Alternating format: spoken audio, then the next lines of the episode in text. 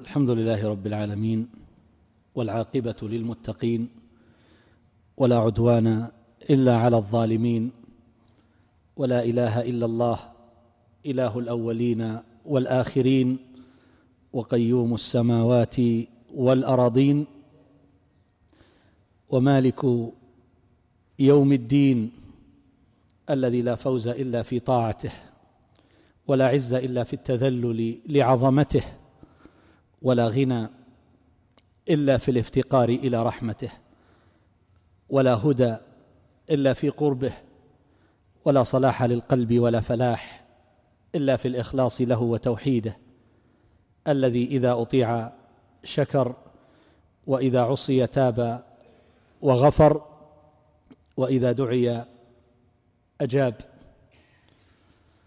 وسبحان الله وبحمده عدد خلقه ورضا نفسه وزنه عرشه ومداد كلماته. وصلى الله وسلم وبارك على نبينا محمد وعلى آله وصحبه أجمعين. أما بعد أيها الأحبة حديثنا في هذه الليلة عن اسم كريم من أسماء الله تبارك وتعالى. وهو الديان. ويأتي الحديث عن هذا الاسم الكريم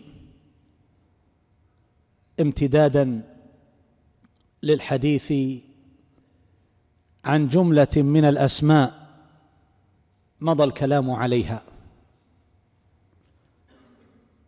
أعني اسمه تبارك وتعالى الحكيم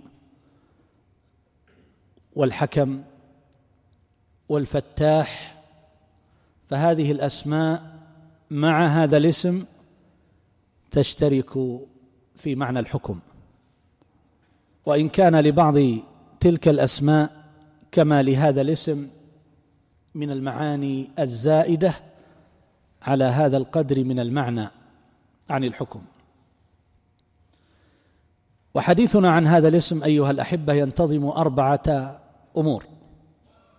الأول في بيان معنى هذا الاسم الكريم. والثاني في ذكر دلائله من الكتاب أو السنة. والثالث في ذكر ما يدل عليه هذا الاسم. وأما الرابع ففي الكلام على آثار الإيمان به. أما اولا وهو ما يتصل بمعنى هذا الاسم الكريم فكما هو المعتاد أيها الأحبة أن يذكر اولا ما يتصل بمعناه من جهة اللغة ثم بعد ذلك يذكر المعنى في حق الله تبارك وتعالى. أما معناه في اللغة فإن أصل هذه المادة الدال والياء والنون ترجع إلى معنى واحد كما يقول ابن فارس رحمه الله وهو الانقياد والذل. وهذا كما أشرت في مناسبة سابقة أنه أنفع وأجدى وأسهل في التعليم أن يعاد اللفظ إلى أصل المعنى الكلي الذي غالبا ما يكون واحدا فهذا خير من تشتيت الأذهان بتفريق المعاني وتجزئتها وتفكيكها بطريقة تشوش أفهام المتعلمين. وهذا تجده كثيرا في التعريفات في الرسائل الجامعية ونجده لدى الكثيرين ممن كتب في معاني الأسماء الحسنى يذكرون جملة من المعاني ولكنهم لو ذكروا المعنى الأصل والأساس الذي ترجع إليه جميعا ثم بعد ذلك يكون ذلك على سبيل التمثيل والتفريع من هذا المعنى الكبير فهذا أفضل والله تعالى أعلم. فنقول إن أصل هذه المادة الدال والياء والنون ترجع إلى معنى واحد في الأصل وهو الانقياد والذل. تقول الدين يعني الطاعة. دان له أي انقاد وأطاع. ما كان ليأخذ أخاه في دين الملك أي في طاعته أو في حكمه. والمحكوم منقاد للحاكم ومطيع له. وهكذا في قوله تبارك وتعالى مالك يوم الدين يعني يوم الحكم أو يوم الجزاء والحساب. وكلاهما يحصل فيه الانقياد. فالحكم الناس ينقادون فيه لحكم الله تبارك وتعالى. والجزاء والحساب الله تبارك وتعالى بيده نواصي الخلق يجازيهم ويحاسبهم ولا يخرج أحد منهم عن حكمه وجزائه وحسابه. فكل ذلك مما ينقاد له وقل ما شئت. حينما تقول مثلا المدينة فإنها ترجع في الأصل إلى هذا المعنى. وحينما يقال مثلا للجارية المملوكة الأمة يقال لها مدينة ويقال للمملوك مدين كل ذلك يرجع إلى الانقياد. فالمدينة أهلها يرجعون إلى نظام يحكمهم وقانون يرجعون إليه ويصدرون عنه. ليست أمورهم فوضى. وهكذا حينما يقال عن الجارية بأنها مدينة أي مطيعة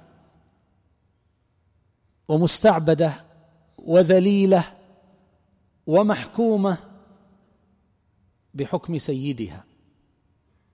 وهكذا المملوك حينما يقال إنه مدين. وحينما نقول الديان فهذه صيغة مبالغة. فيقال للملك المطاع ديان ويقال للحاكم والقاضي فهو الذي يدين الناس. إما بمعنى أنه يقهرهم أو بمعنى أنه يحاسبهم. فالديان هو الذي يقهرهم على الطاعة. يقال دان الرجل القوم إذا قهرهم فدانوا له إذا انقادوا. ويأتي بمعنى المحاسب والمجازي الذي لا يضيع عمل عامل من عباده فهو الذي يلي المجازات لهؤلاء العباد. ومن ذلك قول خويلد بن نوفل الكلابي للحارث ابن أبي شمر الغساني الملك المعروف من الغساسنة وكان ملكا ظالما جائرا عاتيا. يقول يخاطبه يا أيها الملك المخوف أما ترى؟ ليلا وصبحا كيف يختلفان؟ هل تستطيع الشمس أن تأتي بها؟ ليلا وهل لك بالمليك يدان يا حاري يرخم اسمه يقول يعني يا حارث مثل يا عائش يا عائشة. يا حاري أيقن أن ملكك زائل واعلم بأن كما تدين تداني. هذا مما جرى به كلام العرب في شعرهم ونثرهم أي أنك كما تجازي تجازى. وكما تعامل الناس تعامل عند الله تبارك وتعالى. تقول دانه إذا جازاه. والله يقول عن الكافرين أنهم قالوا أإذا متنا وكنا ترابا وعظاما أئنا لمدينون أي لمجزيون محاسبون. وجاء من حديث أبي هريرة رضي الله تعالى عنه مرفوعا إلى النبي صلى الله عليه وسلم لتؤدن الحقوق إلى أصحابها أو إلى أهلها يوم القيامة حتى يقتص للشاة الجماء من الشاة القرناء تنطحها يعني التي كانت تنطحها. وفي رواية إن الله وهذا هو الشاهد هنا ليدين للجماء من ذات القرناء. يعني يدين بمعنى يقتص والقصاص هو من قبيل المجازات. وأما المعنى في حق الله جل جلاله فبعض أهل العلم كالخطابي يقول الديان هو المجازي وهذا معنى صحيح. وبعضهم كالحليمي يقول هذا أيضا يقول هو المحاسب والمجازي ولا يضيع عملا ولكنه يجزي بالخير خيرا وبالشر شرا. ولكن الخطابي أيضا زاد معنى آخر على هذا. يأتي ذكره بعد قليل إن شاء الله تعالى. فالله جل جلاله هو الديان. الذي يجازي العباد بأعمالهم وينصف المظلوم من الظالم ويقضي بين الخلائق. هذا معنى وهو معنى صحيح. وذكر بعضهم كابن الأثير معنى آخر وهو القهار. وبعضهم يقول الحاكم والقاضي. أنه فعال من دان الناس أي قهرهم على الطاعة. هذه المعاني كلها صحيح. فالله هو الديان يعني المجازي الذي يجزي كل فريق بما عمل وكل عامل بما أسلف. ويوم تقوم الساعة يومئذ يتفرقون. فأما الذين آمنوا وعملوا الصالحات فهم في روضة يحبرون. وأما الذين كفروا وكذبوا بآياتنا ولقاء الآخرة فأولئك في العذاب محضرون. إذا زلزلت الأرض زلزالها وأخرجت الأرض أثقالها وقال الإنسان ما لها؟ يومئذ تحدث أخبارها بأن ربك أوحى لها يومئذ يصدر الناس أشتاتا ليروا أعمالهم. فمن يعمل مثقال ذرة خيرا يره ومن يعمل مثقال ذرة شرا يره. وذكرت لكم في الكلام على الأعمال القلبية بأن معاوية بن قرة رحمه الله جيء له بطعام فأكل منه في العشاء ثم تركه بعد ذلك فلما أصبح وجده قد اسود من الذر فوزنه بالذر ثم أماط الذر عنه فوزنه فوجد أن وزنه لم يتغير. والله يقول فمن يعمل مثقال ذرة خيرا يره ومن يعمل مثقال ذرة شرا يره. وذكرت لكم أيضا خبر أبي العباس الخطاب حينما جاء بخردلة ووضعها في كفة الميزان وجاء بنحو عشرين ذرة وفي بعض المنقولات أكثر من هذا فوضعها في الكفة الأخرى. فرجحت الخردلة على الذر.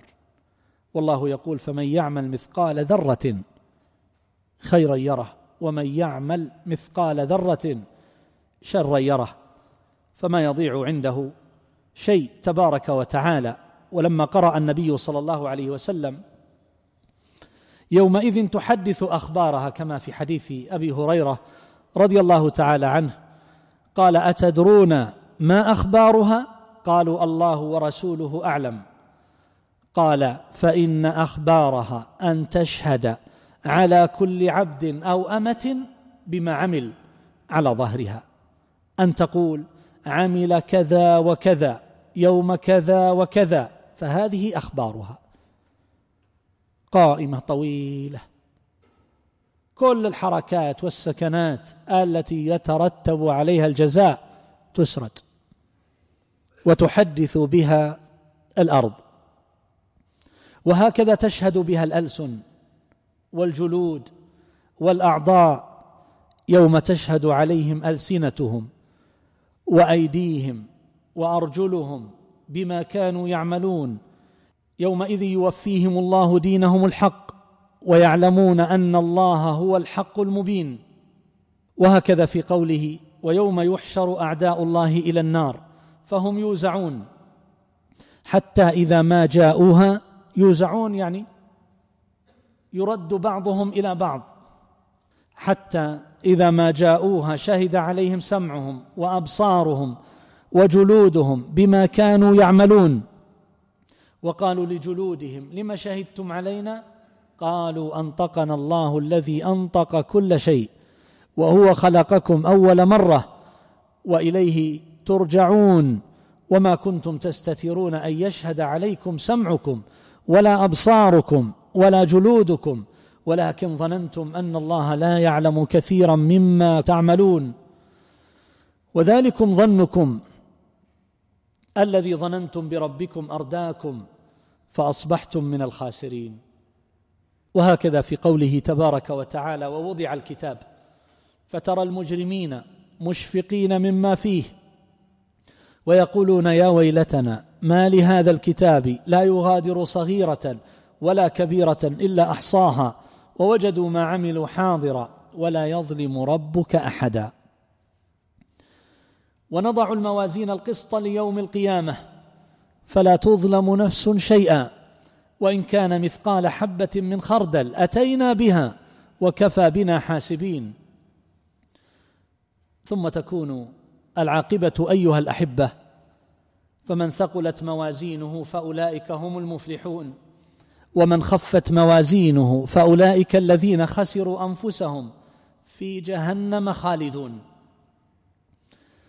فهذا هو الديان جل جلاله الذي يحكم بين العباد ويحاسبهم وهو القاهر فوقهم وكلهم مستذل مستعبد له تبارك وتعالى. كلهم آتيه يوم القيامة فردا. لا يخرج أحد منهم عن حكمه ولا عن قضائه ولا عن تدبيره. أما ثانيا وهو ما يدل على هذا الاسم الكريم من الكتاب والسنة فهذا الاسم لم يرد في القرآن. ولكنه جاء في الحديث المشهور حديث جابر ابن عبد الله رضي الله عنه. في القصة المعروفة لما سافر إلى الشام أو إلى مصر كما جاء في بعض الروايات لما بلغه حديث عن عبد الله بن أنيس رضي الله تعالى عنه أنه سمعه من النبي صلى الله عليه وسلم. فاشترى بعيرا حتى أتى داره. فقال للبواب قل له جابر على الباب. فقال ابن عبد الله؟ قال نعم. فخرج يطأ ثوبه يقول فاعتنقني واعتنقته. فقلت حديثا بلغني عنك أنك سمعته من رسول الله صلى الله عليه وسلم في القصاص. فخشيت أن تموت أو أموت قبل أن أسمعه. قال سمعت رسول الله صلى الله عليه وسلم يقول يحشر الناس يوم القيامة. أو قال العباد عراة غرلا بهما. قال قلنا وما بهما؟ قال ليس معهم شيء. ثم يناديهم بصوت يسمعه من بعد كما يسمعه من قرب. أنا الملك. أنا الديان. وهذا الشاهد. ولا ينبغي لأحد من أهل النار أن يدخل النار وله عند أحد من أهل الجنة حق. حتى أقصه منه ولا ينبغي لأحد من أهل الجنة أن يدخل الجنة ولأحد من أهل النار عنده حق حتى أقصه منه حتى اللطمة. قلنا كيف؟ وإنما نأتي الله عز وجل عراة غرلا بهما. قال بالحسنات والسيئات. وجاء في رواية وتلا رسول الله صلى الله عليه وسلم اليوم تجزى كل نفس بما كسبت لا ظلم اليوم.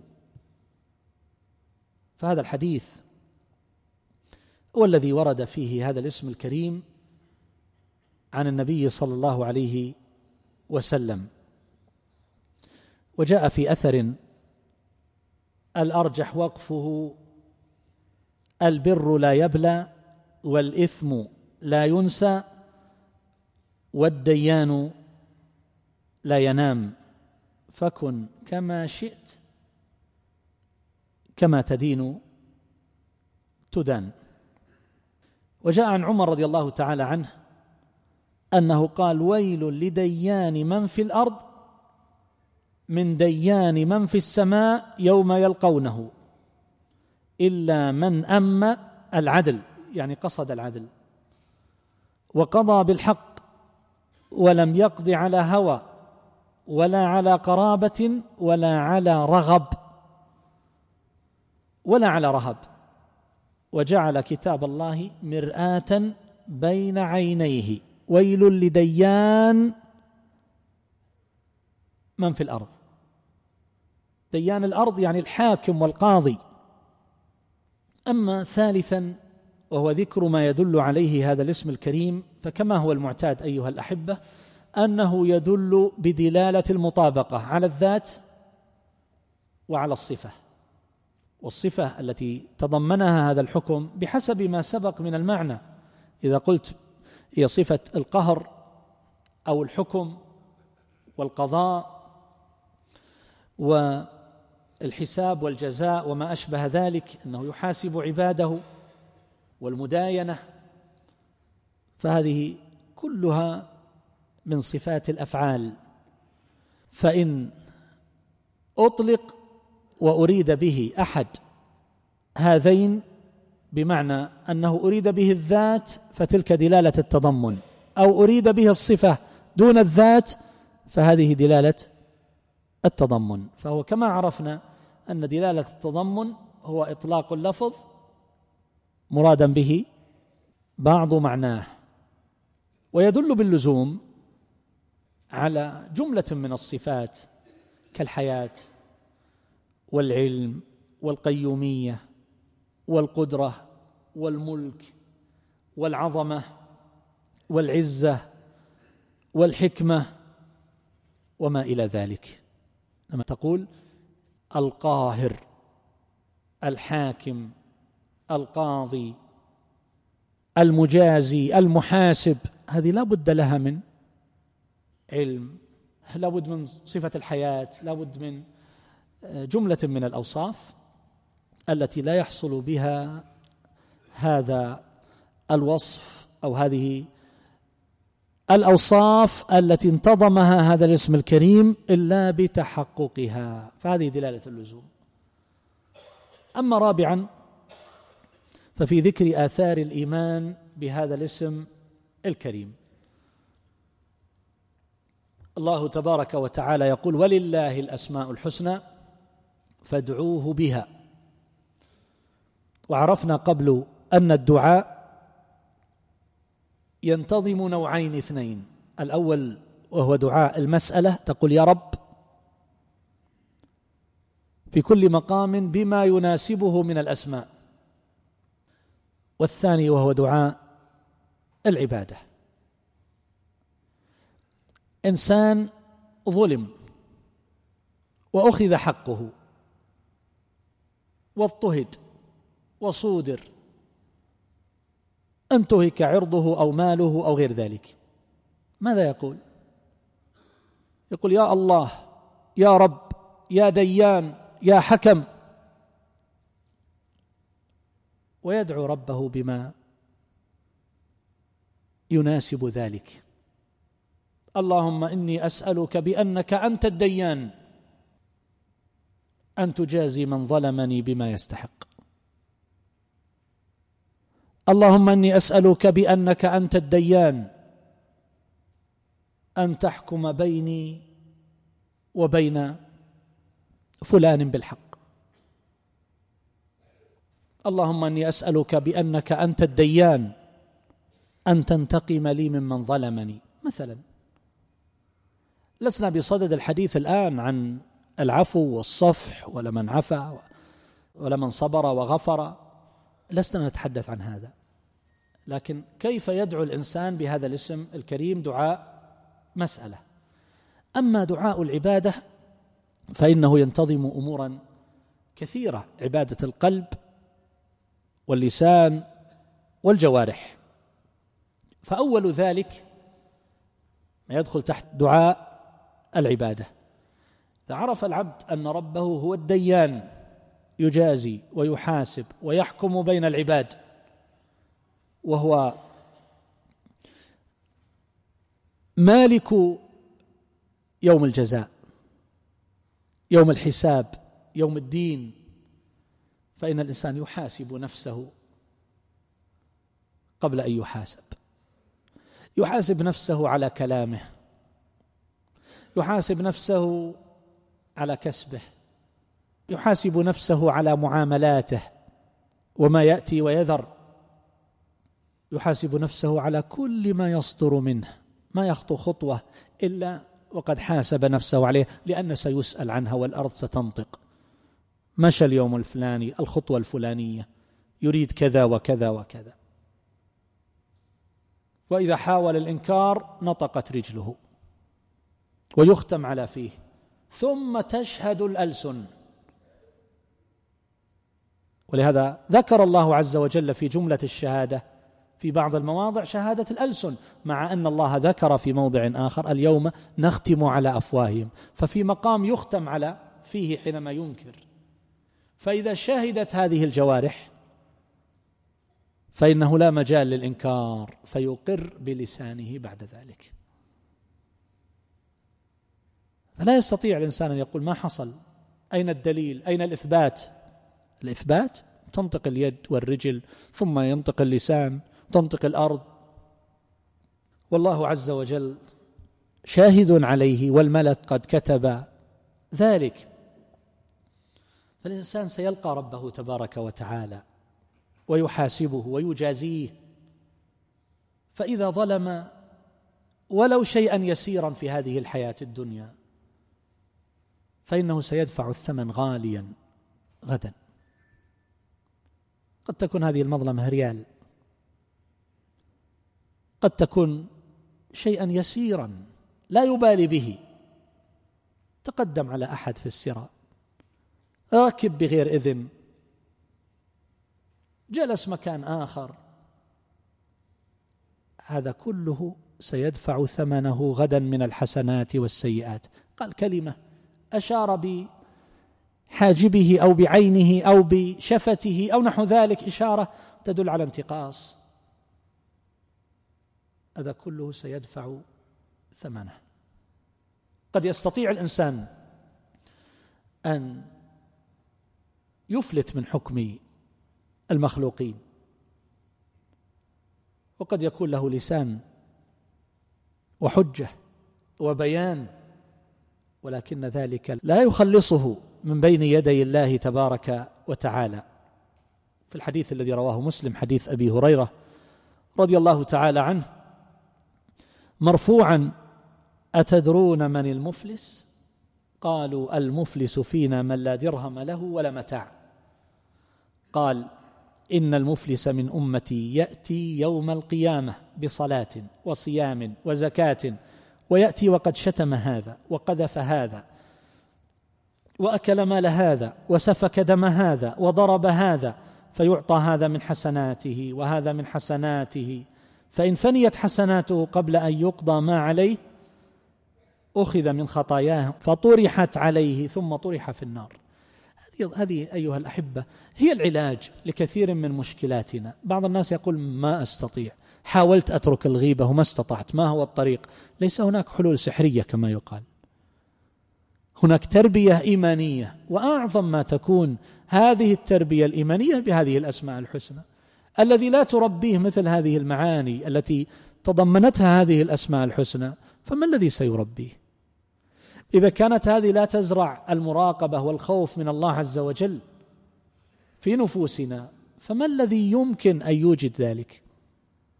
الله تعرف إلينا بهذه الأسماء. فهذا الإنسان الذي جلس وتمدد بعد الإفطار وهو صائم ذلك اليوم في رمضان أو في نفل أو نحو ذلك. ثم غمز فلان لما ذكر في المجلس وتكلم فيه وقال كلمة يعبر فيها عن احتقاره له أو عن وصف غير محمود. هذا الإنسان مباشرة يمكن أن يقال له هذه الكلمة التي قلتها ستدفع الثمن. قد يكون الثمن هو ثواب هذا اليوم الذي صمته يذهب إليه. تعبت وصمت يوم كامل ويذهب ثوابه لا من أجل هالكلمة دي. وقد يكون الثمن أكبر من هذا. لقد قلت كلمة لو مزجت بماء البحر لمزجته. فما حاجتك بهذه الكلمة؟ حدد لي الفوائد يوم قلتها.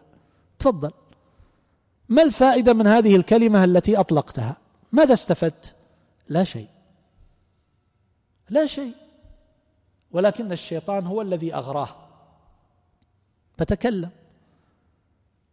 وما علم أنه هو الخاسر.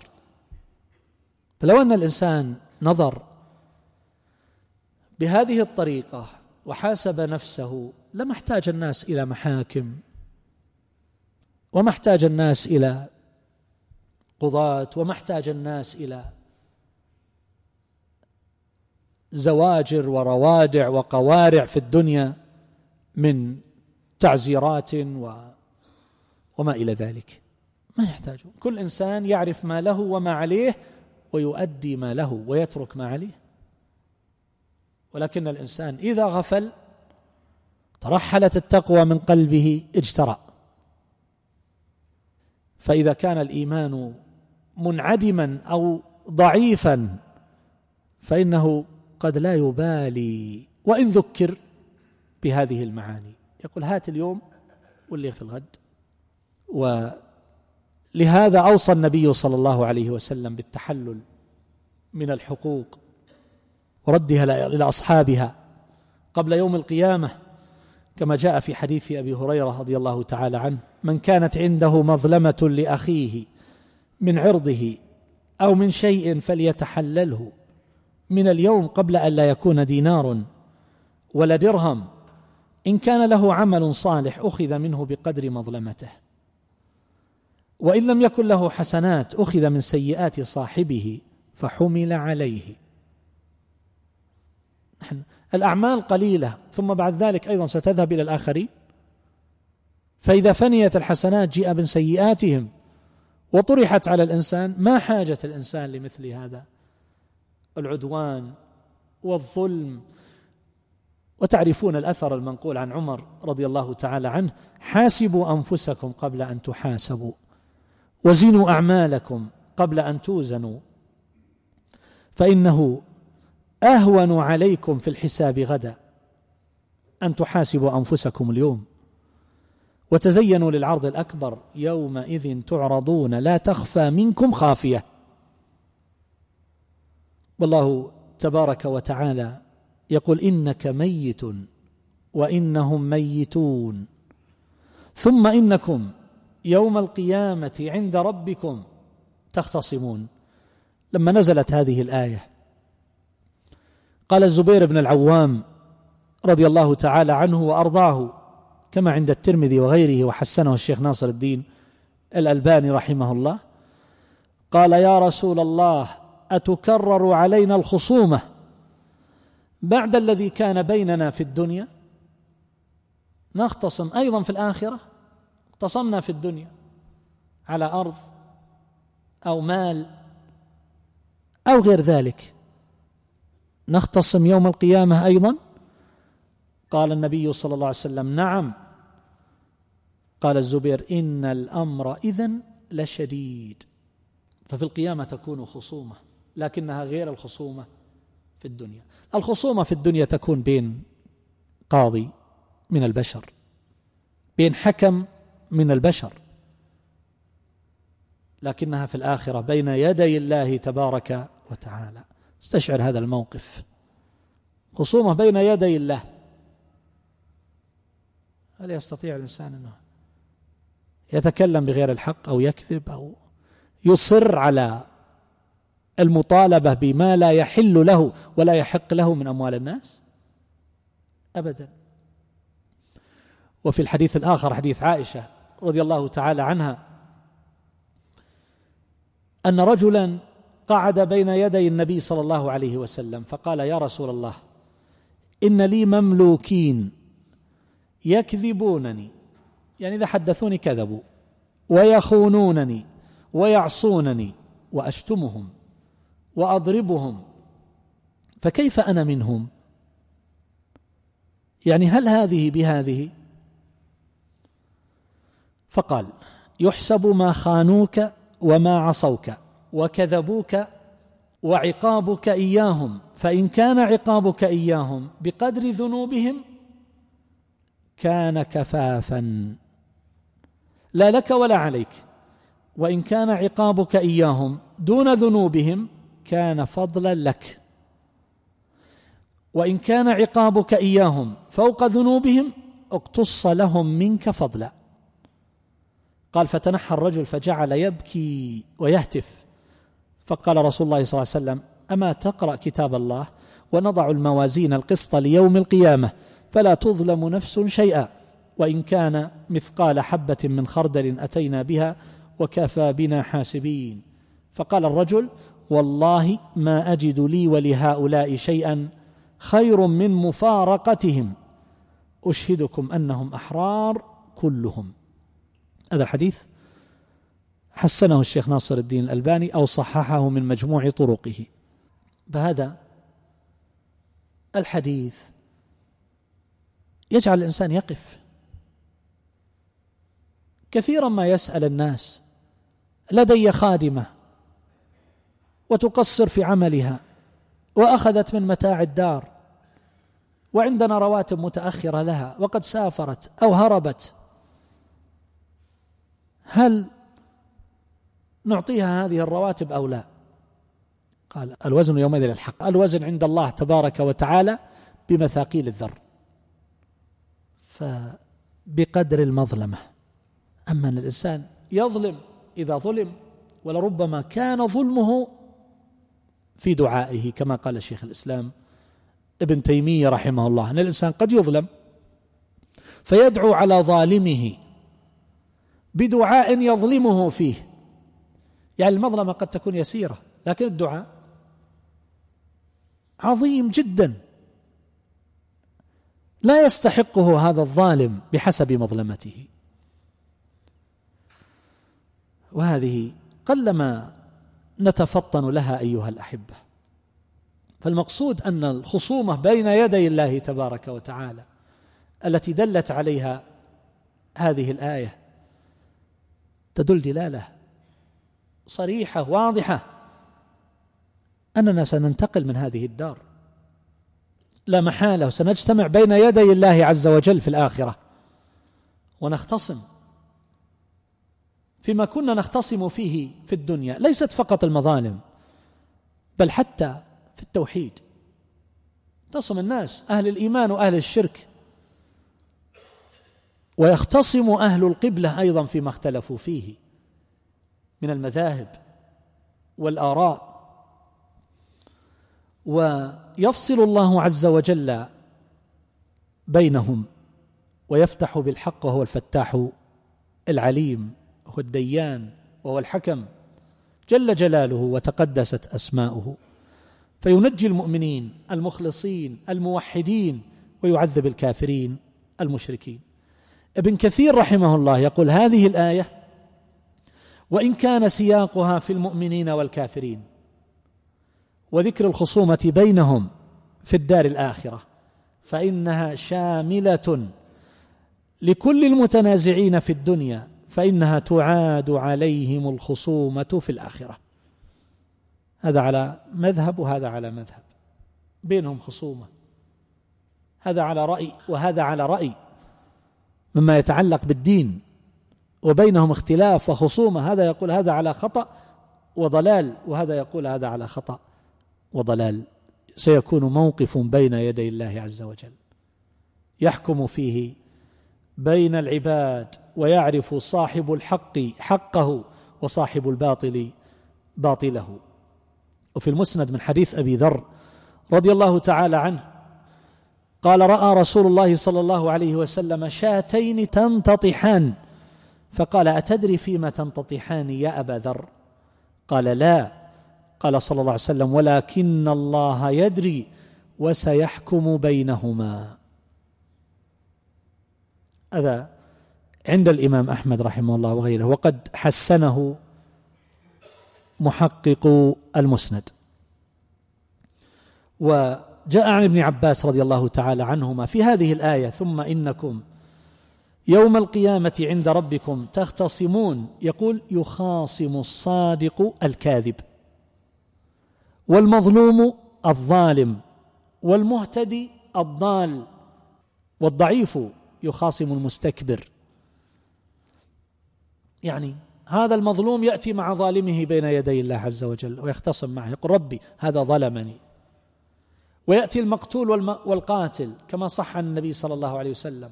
والمقتول رأسه في كفه تشخب أوداجه. ويقول يا رب سل هذا فيما قتلني. وأيضا جاء من حديث ابن عمر رضي الله عنهما قال نزلت هذه الآية. وما نعلم في أي شيء نزلت. يعني ثم إنكم يوم القيامة عند ربكم تختصمون. قال قلنا من نخاصم؟ ليس بيننا وبين أهل الكتاب خصومة فمن نخاصم؟ حتى وقعت الفتنة. يقول ابن عمر هذا الذي وعدنا ربنا عز وجل نختصم فيه. يقول لما رأيت بعضنا يغير على بعض في يوم صفين بالسلاح. تذكر هذه الآية. ثم إنكم يوم القيامة عند ربكم تختصمون. هذا القتال الذي يحصل بين أهل الإيمان. الله يفصل بينهم يوم القيامة ويحكم بين عباده. الصحابة رضي الله تعالى عنهم تأولوا. واجتهدوا رضي الله عنهم وأرضاهم. لكن الويل ثم الويل لمن تعدى على حقوق الناس وأموالهم وأعراضهم وظلمهم في هذه الحياة الدنيا فإنه يأتي يوم القيامة يحمل أوزارا يأخذون من حسناته فإن فنيت طرحوا من سيئاتهم عليه. هذا أيها الأحبة يحتاجه كل واحد منا أن يتذكره دائما فيكون ذلك حرزا له من الظلم والعدوان بجميع صوره وأنواعه. وقد جاء عن الشافعي رحمه الله بئس الزاد إلى المعاد العدوان على العباد. بئس الزاد إلى المعاد. العدوان على العباد. بعض الناس قد يظهر عليه سيم الخير والصلاح والتدين وأثر توبة. لكن ذلك سرعان ما يتحول إلى شيء آخر. إلى نوع من العدوان والظلم. فيصير تدينه هو الوقيعه في أعراض أهل الفضل والدين والخير والصلاح. طلبة العلم الدعاة إلى الله عز وجل. بئس الزاد إلى المعاد العدوان على العباد. فلا تكن بضاعة الواحد منا أيها الأحبة إلى الله والدار الآخرة هي العدوان. يأتي يوم القيامة وما ترك أحد إلا فرى في عرضه. ما الحاجة لمثل هذا؟ تزود الإنسان للآخرة من الأعمال الصالحة من قيام الليل وصيام النهار. قراءة القرآن وذكر الله عز وجل. والدعوة إلى الله والإصلاح. ولا يلبس الإنسان على نفسه ولا يغرر بنفسه تحت صورة أو قشرة من التدين يكون العدوان بمثل هذا. تدينه هو الوقيعة في الأعراض أو قد يكون تدينه بطريقة أخرى الولوغ في الدماء صلى الله العافيه والأموال واستباحة ذلك تحت تأويلات وشبهات وأمور لا يوافقه عليها أهل العلم. بئس الزاد إلى المعاد العدوان على العباد. الأصل في حقوق الله عز وجل أيها الأحبة المسامحة ولكن حقوق حقوق العباد الأصل فيها المشاحة.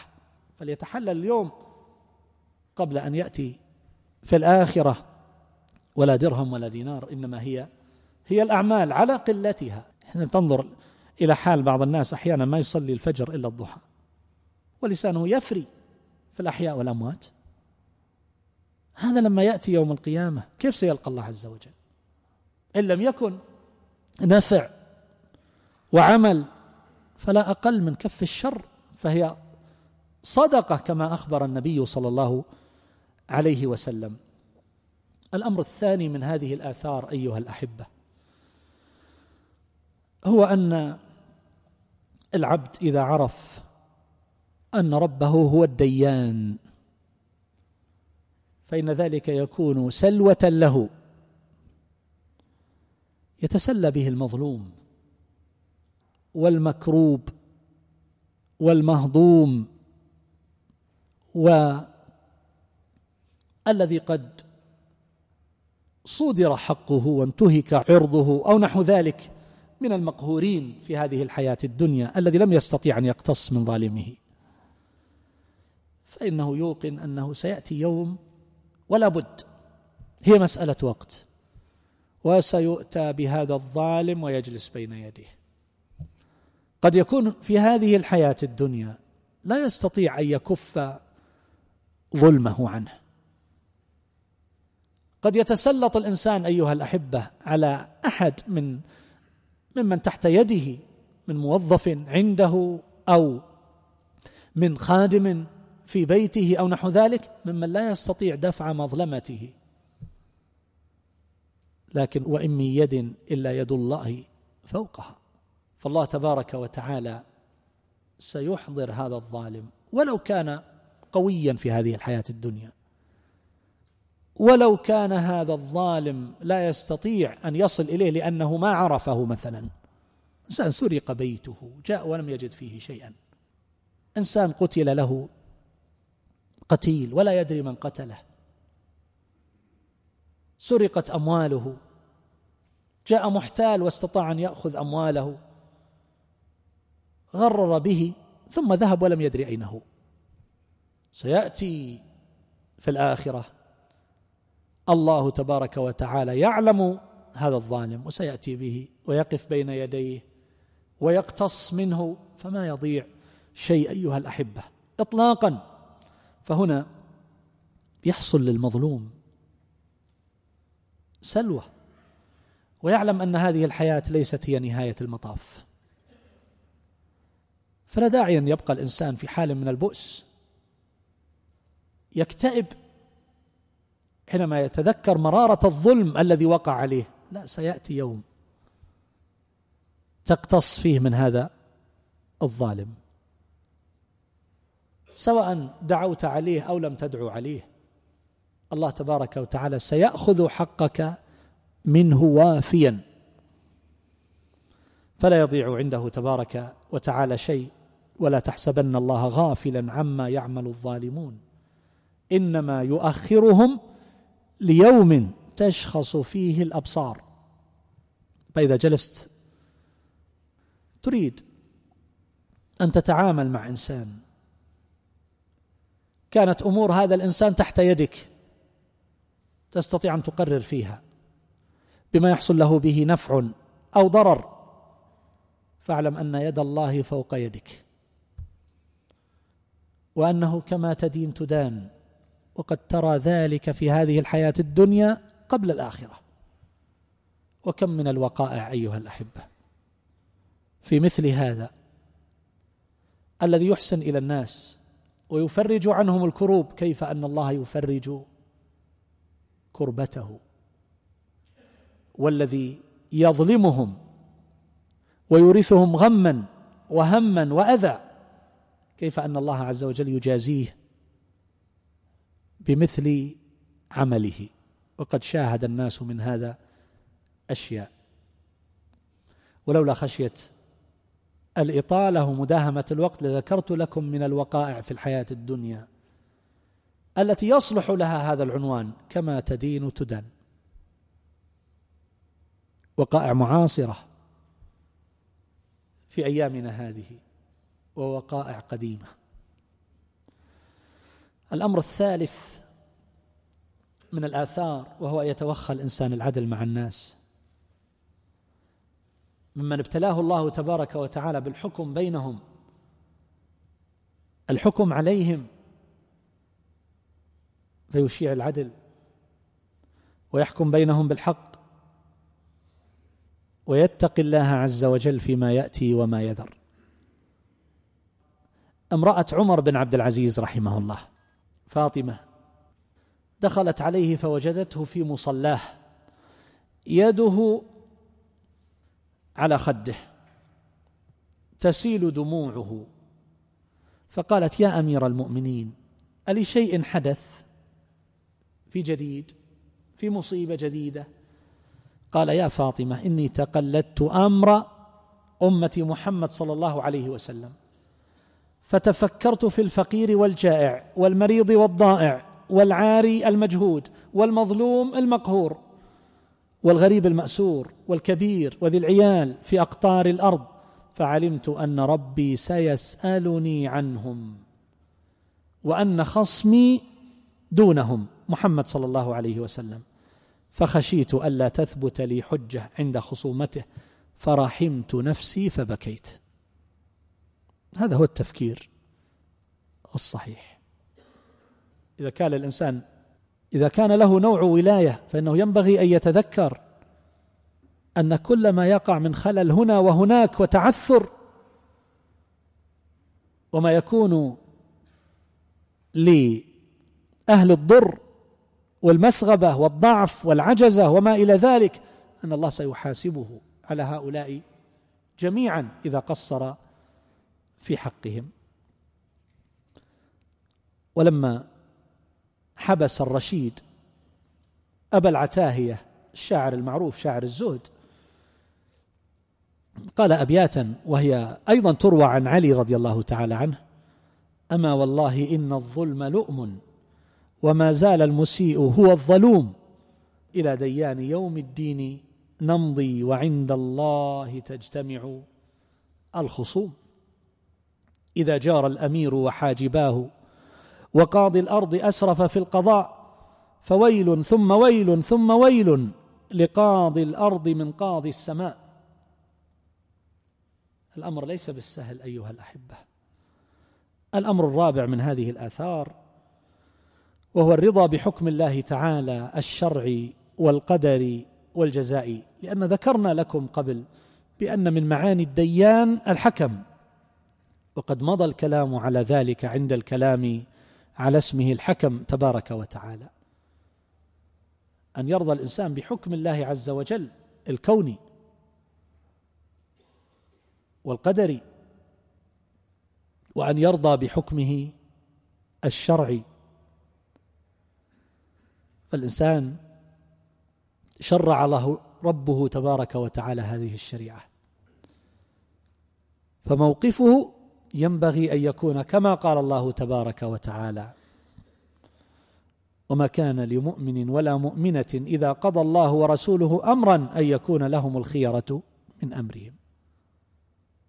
إنما كان قول المؤمنين إذا دعوا إلى الله ورسوله ليحكم بينهم أن يقولوا سمعنا وأطعنا. فلا وربك لا يؤمنون حتى يحكموك فيما شجر بينهم ثم لا يجدوا في أنفسهم حرجا مما قضيت ويسلموا تسليما. هذا في الحكم الشرعي. أما في حكمه تبارك وتعالى القدري أن الإنسان يرضى بما قدره الله تبارك وتعالى فإن كان ذلك مما يمكن دفعه دفعه بالتسبب بالأسباب المباحة أو المشروعة. وإن كان ذلك مما لا يمكن دفعه أو حاول دفعه ولكنه لم يندفع فما عليك إلا الرضا والتسليم. هذا المرض الذي حل. هذه المصيبة والجائحة التي اجتاحت المال هذه الوفاة التي حصلت لهذا القريب أو نحو ذلك هذا أمر قضاه الله ولا سبيل إلى رجوعه. فما عليك إلا الرضا والتسليم لحكم الله جل جلاله. هذا موقف المؤمن. وأما التسخط والاعتراض على أحكام الله جل جلاله فإن ذلك لا يغني عن العبد شيئا. هذا آخر الكلام على هذا الاسم الكريم. وأسأل الله تبارك وتعالى أن يفقهنا وإياكم في الدين وأن يجعلنا وإياكم هداة مهتدين. اللهم ارحم موتانا واشف مرضانا وعاف مبتلانا واجعل آخرتنا خيرا من دنيانا. وصلى الله على نبينا محمد وآله وصحبه.